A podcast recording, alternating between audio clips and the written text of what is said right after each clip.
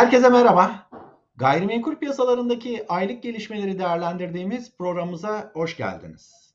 Her zaman olduğu gibi önce siz izleyicilerin sorularıyla başlıyoruz. Bir izleyicimiz CHP lideri Kemal Kılıçdaroğlu'nun yabancılara satışı yasaklama vaadinin piyasalara etkisini sormuş. Ee, zannediyorum bu vaadin piyasalara etkisi seçimlerden sonraki sonuçlara bağlı olacaktır diye düşünüyorum. Eğer Kemal Bey bu vaadini hayata geçirecek bir siyasal pozisyonda olursa o zaman yabancılara konut satışı olmayacak demektir. E, yabancılar için konut üretmiş olan e, üreticiler bunu yerlilere satmak için gerekli iskontoları yapmaya çalışacaklardır. Talep tarafında bir zayıflama olacağı için fiyatlar üzerindeki baskı da özellikle biraz aşağıya gider gibi gözüküyor. Ancak bu vaadi e, bir uzantısı olması lazım. O da aslında şu. Konut talebini yaratan şey nüfus. Eğer yabancı nüfusunu da kontrol edecek e, bir uygulamaya geçilirse bu konut fiyatları üzerinde bir e, artışı baskılayan bir unsur yaratabilir. Bir başka izleyicimiz de yeni evim kampanyasıyla ilgili bir soru soruyor. Diyor ki yeni evim kampanyası ikinci el konutları kapsamamasına rağmen Birinci, ikinci bütün konut fiyatlarında bir artış gözledik. Acaba neden diye soruyor. Gerçekten ben de bu sorunun cevabını kendimce düşündüm ve şöyle bir gerekçe buldum. Aslında geçmiş tarihlerde yapılan faiz kampanyaları, düşük faizli konut kredisi kampanyaları halkımızın bilinç altında faiz aşağıya, konut fiyatı yukarıya algısını iyice işlemiş demek ki. Dolayısıyla bir psikolojik dürtüyle a faizler düştü demek ki konut fiyatları artacak diyen satıcılar konut fiyatlarını artırdılar. Muhtemelen aynı psikolojik etki alıcılarda da var. Onlar da bundan etkilendiler ve e, fiyatlar bu şekilde yukarıya doğru gitmiş oldu. Ama bana kalırsa bu kampanya gerçekte hiç ikinci elleri kapsamıyor.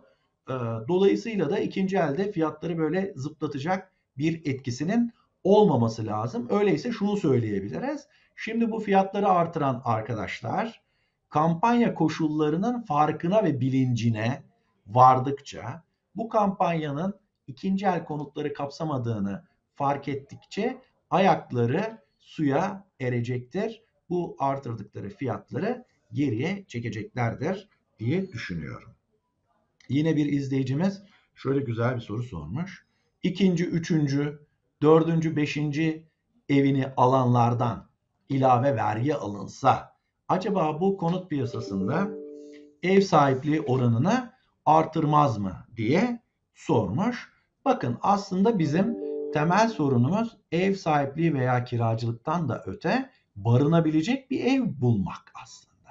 Yani biz barınma ihtiyacımızı ya kirada ya da kendi mülkümüzde karşılayabiliriz. Bakın e, bu uygulamalar Avrupa ülkelerinde yapılıyor.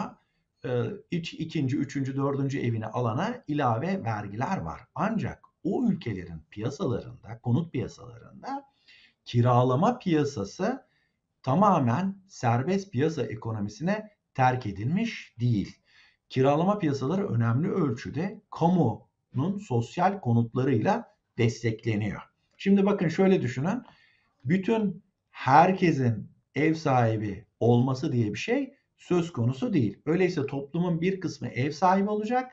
Yaşamının bir döneminde henüz ev sahibi olma gücü olmayan ya da ev sahipliğini henüz tercih etmeyen insanlar kirada oturacaklar.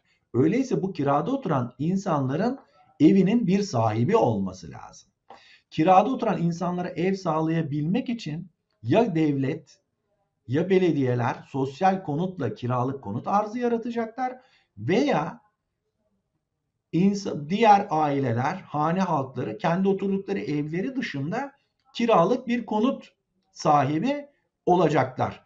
O nedenle aslında birden fazla konutu olup bunu kiraya veren insanlar kiralık konut piyasasına yeni konut arzı yapmış oluyorlar. Eğer Türkiye'de hemen böyle bir uygulama yapacak olsak ikinci, üçüncü, beşinci evine e, sahip olanlardan ilave vergiler alsak bu aslında kira raiçlerini yukarıya çıkartacak ve insanların kiralama amaçlı konut yatırımı yapmaktan onları caydıracak ve bunun etkisi kiralama piyasasında daha yüksek kiralar ve kiralık konut e, arzında düşmeyle o piyasada daha büyük sıkıntılara yol açacak. Biz ne zaman e, devlet veya sosyal konut üretebiliriz kiralama için kamunun mülkiyetinde kiralama piyasasının yüzde otuzu ya bu da ne demek en azından 2-2,5 milyon e, sosyal konut kiralık sosyal konut kamu kontrolünde üretebilirsek piyasaya koyabilirsek ondan sonra gündeme alınması gereken bir mevzu olacaktır. Bir e, okuyucumuzun e, okuyucu dedim affedersiniz izleyicimizin e, güzel bir yorumu var. Less is more. Diyor ki fiyatların gerileme ihtimaline rağmen bu faiz oranından da konut almak uygun olabilir mi? Bence olur diyemiş ve matematiksel olarak da bunları bize anlatmış. O zaman ben şöyle e, bunu formüle edeyim. İkinci e, yeni evim e, konut kampanyası var. Bu kampanyadan konut alacaksınız ama fiyatların biraz şişkin olduğunu, muhtemelen önümüzdeki günlerde bir parça geriye gideceği ihtimalini dikkate alıyorsunuz ve diyorsunuz ki acaba bu 0.69 faiz oranından böyle bir konut finansmanına girmeli miyim? Bu sorunun cevabı şudur. 0.69 faizin yıllık bileşiği %8.6. Demek ki sizin kullanacağınız paranın maliyeti %8.6. Eğer satın alacağınız konutun önümüzdeki yıllardaki ortalama fiyat artışının %8.6'nın üzerinde olacağını kestiriyorsanız böyle bir kanaatiniz varsa o zaman bu krediyi kullanmak son derece mantıklı. Yani önümüzdeki yıl konut fiyatı biraz geriye gitse mesela %20 düşse bile e zaten bu aldığınız konutu 5 yılda elden çıkartamıyorsunuz. Önümüzdeki 5 yıl boyunca yıllık ortalama fiyat artışı 8.6'nın üstündeyse siz bu yatırımdan karlı çıkmış olursunuz. Önümüzdeki yıl yani en azından bir yıl daha minimum %51 enflasyonist süreç altında olacağımızı düşünürseniz belki ilk yıl konut fiyatlarında bir gerileme hiç beklemiyorum ben gerçi ama varsayalım bir %20 gerileme oldu. Ama önümüzdeki kalan 5 yılda da ortalama artışın %25-30'lar olduğunu varsaysanız 5 yıl sonunda ciddi bir birikim de yapmış olursunuz. Benim kanaatime göre dolayısıyla bu çok düşük bir finansman imkanı. Fiyat artışının finansman maliyetinin üzerinde olacağını tahmin ediyorsanız bu yatırım karlı olacaktır. Şimdi sevgili dostlar gelelim piyasalardaki hareketlilikte neler var diye. Hemen daha dün 2022 yılında konut satış rakamları açıklandı. Şimdi onu söyleyeyim. 1 milyon 485 bin konut satılmış. Bir önceki yıl 1 milyon 492 bin. Ondan önceki yıl 1 milyon 500 bin. Yani 1 milyon 500 binin 5 bin 10 bin e, altında satışlar var. Yani son 3 yıldır Türkiye'de aynı sayıda konut satılmış. Ama bir şey var. Konut dışı gayrimenkul piyasası o füzelemiş gitmiş. Bakın onu da söyleyeyim. 2020 yılında 1,5 milyon konut satılırken 1 milyon 250 bin adet konut dışı diğer gayrimenkul satılıyormuş. 2021'de yine 1,5 milyon satılırken 1,5 konut dışı satılmış.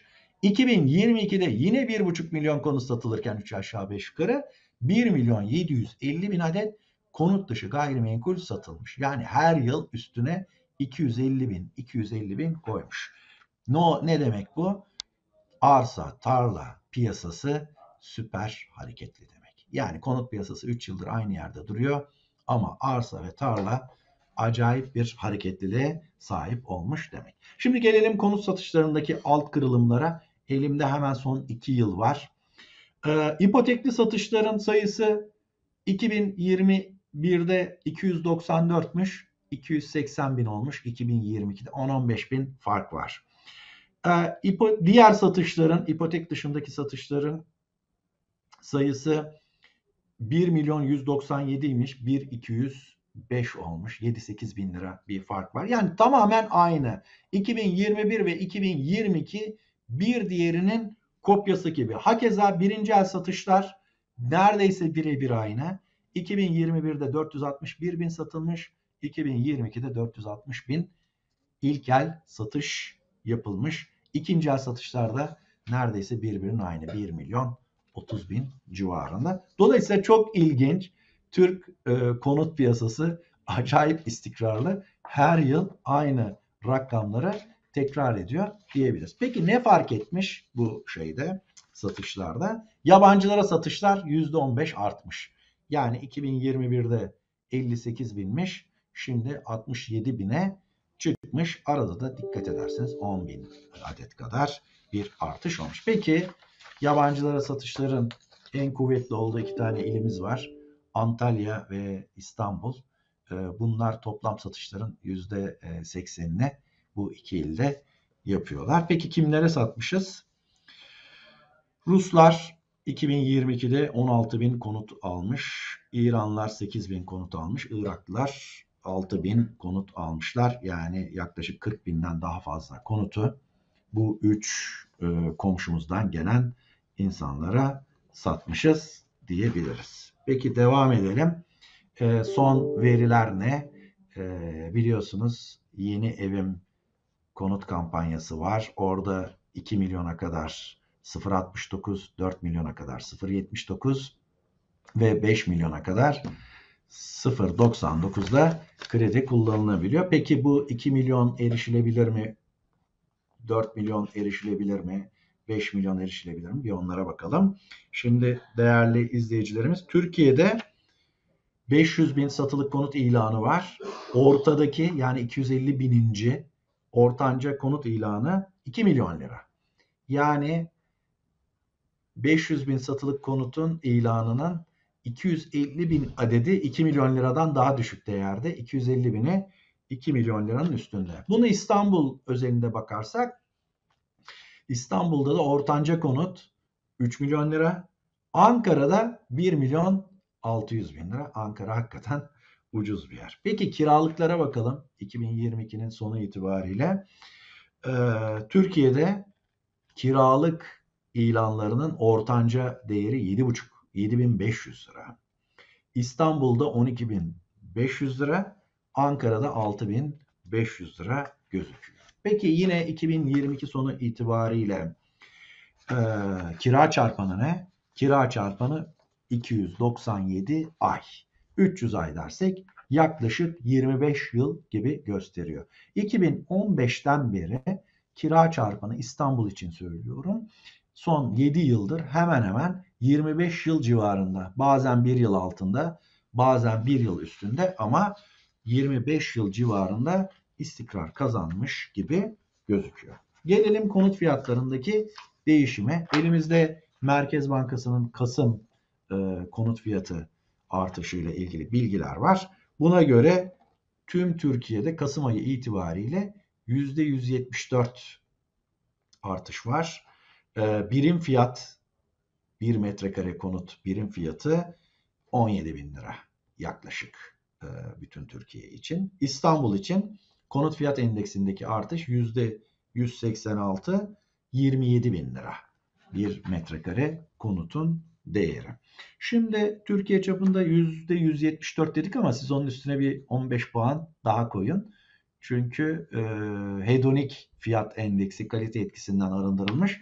Demek ki gerçekte Türkiye'de konut fiyat enflasyonu bir 15 puan daha fazla %190 civarında Kasım itibariyle. Ee, İstanbul'da da öyle bir 15 puan koyarsanız İstanbul'da da %200 civarında. Ama bakalım Türkiye'de en çok nerede artış olmuş? Hadi tahmin edin bakalım. Evet bildiniz.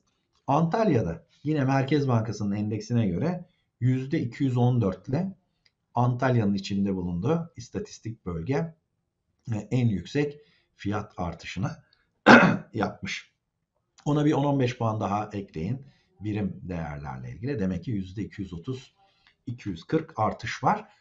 Ee, onu hemen Mersin e, Adana tarafı izliyor. Onu tekrar bu defa Muğla izliyor. Yani Türkiye'nin Akdeniz bölgesi fiyatları patlatmış gitmiş diyebiliriz. Tabii ki oraya gelen Rus e, akınının bunda çok etkili olduğunu hepiniz biliyorsunuz. Yine Betam'ın çalışmasına göre Antalya'da kiralarda 4 katına çıkmış bu vesileyle.